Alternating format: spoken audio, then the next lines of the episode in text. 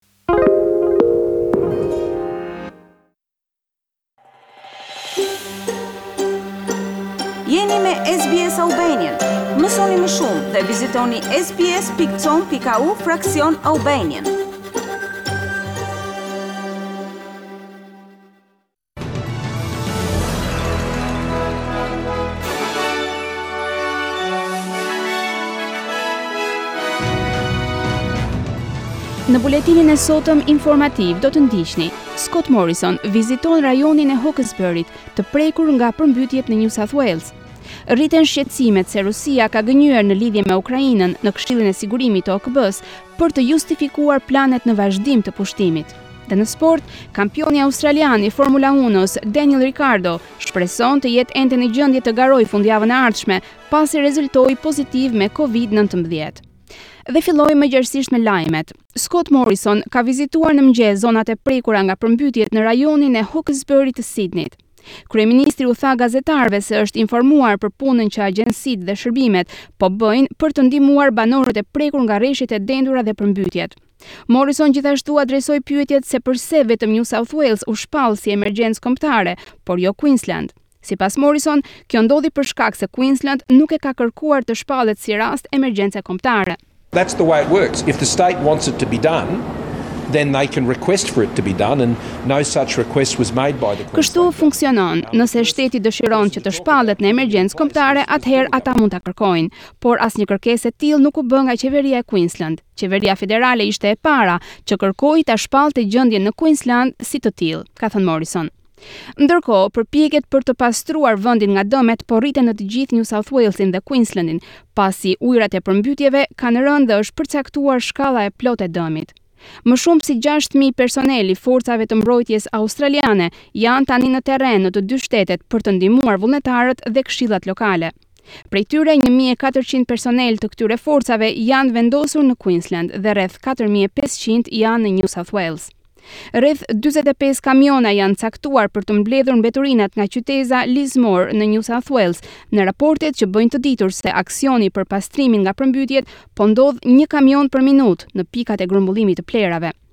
Kryeministri i New South Wales, Dominic Perrottet, thotë se qeveria ka angazhuar çdo burim të sajn për të rivendosur rendin. Just want to assure um, uh, all residents, uh, all the communities right across here, we, we are putting everything, every resource we can Dua të siguroj të gjithë banorët, të gjitha komunitetet, se kemi angazhuar çdo burim që mundemi për ta kryer këtë pastrim sa më shpejt që të jetë e mundur.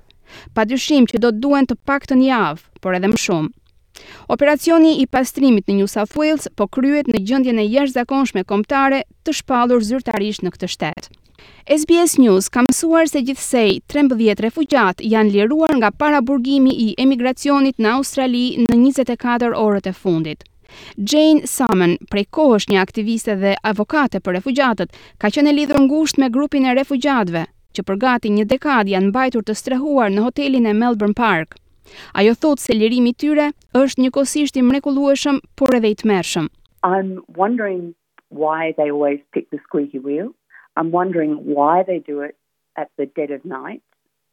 Pyes veten pse zgjedhin gjithmonë momentin më të vështirë për t'i liruar.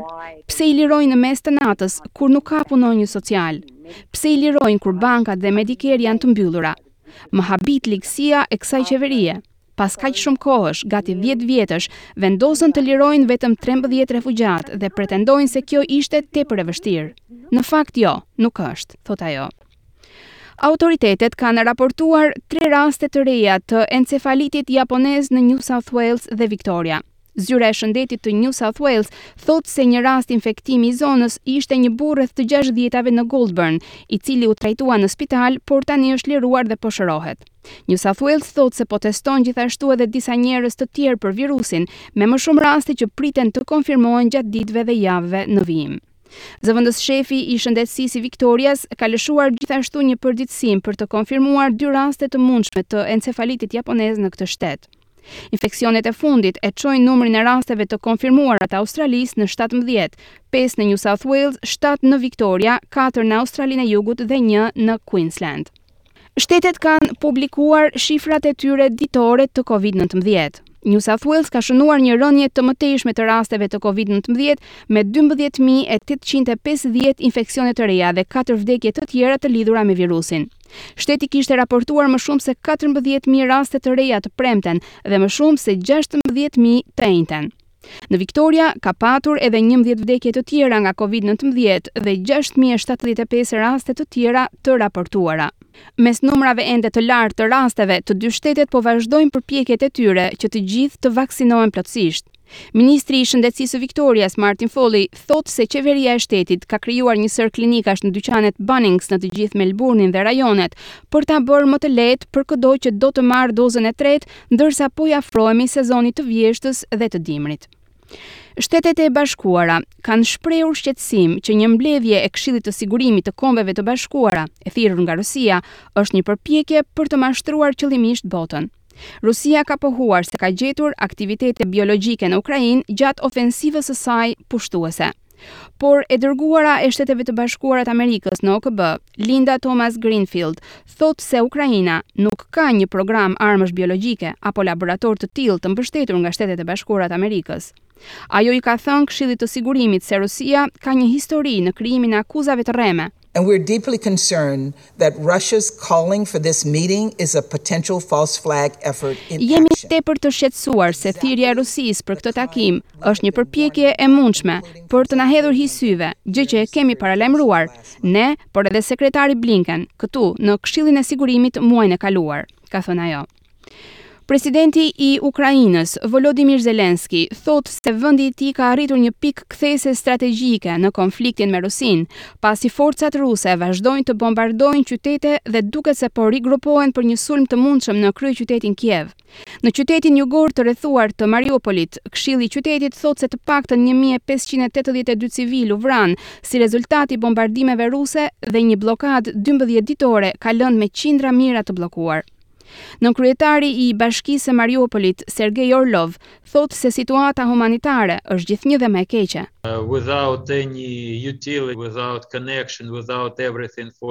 Jemi pa asnjë shërbim, pa lidhje, pa gjithçka për tetë ditë dhe duhet ta dini se pesë deri në shtatë ditë më parë dëshira më e madhe e popullit tonë ishte të ndalonte disi luftën, të ndalonin bombardimet.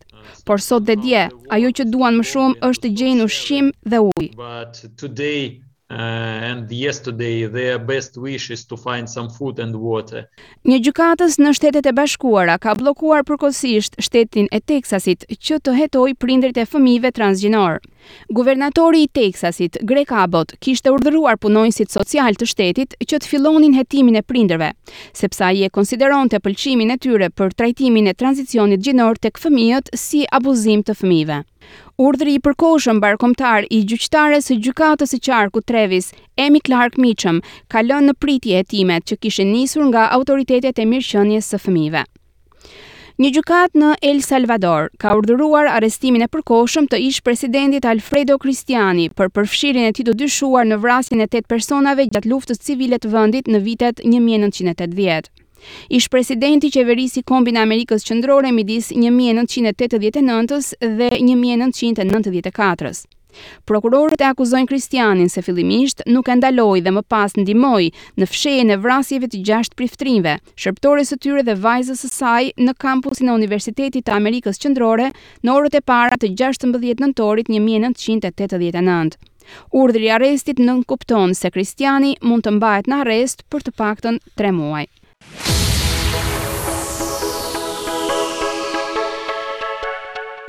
Dhe kalojmë në lajmet nga sporti. Shoferi i McLaren, Daniel Ricciardo, ka rezultuar pozitiv për COVID-19. 32 vjeçari australian i Formula 1-s ishte ndjerë i sëmurë që nga e mërkura dhe humbi testimin në Sakhir të enjten dhe të premten, por ekipi britanik tha në një deklaratë se Ricciardo është në përmirësim e sipër. Ata thanë se Ricciardo do të vazhdojë të izolohet në përputhje me rregulloret lokale dhe do të dalë nga izolimi në kohë për çmimin e madh të garave të Bahreinit të fundjavës së ardhshme. Por megjithatë kjo është një pengesë serioze për Ricciardon që nuk arrin dot të bëjë praktikën për garën hapëse që fillon të premten e ardhshme dhe që rrjedhimisht do të garojë pa e praktikuar makinën që nga testimi i Barcelonës më njëzet e katër shkurt.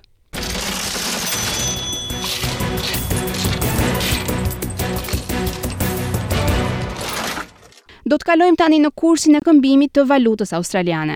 Një dollar australian sot këmbehet me 82 lekë shqiptare, 0.66 euro, 0.72 dollarë amerikanë dhe me 40.80 denarë të Maqedonisë së Veriut.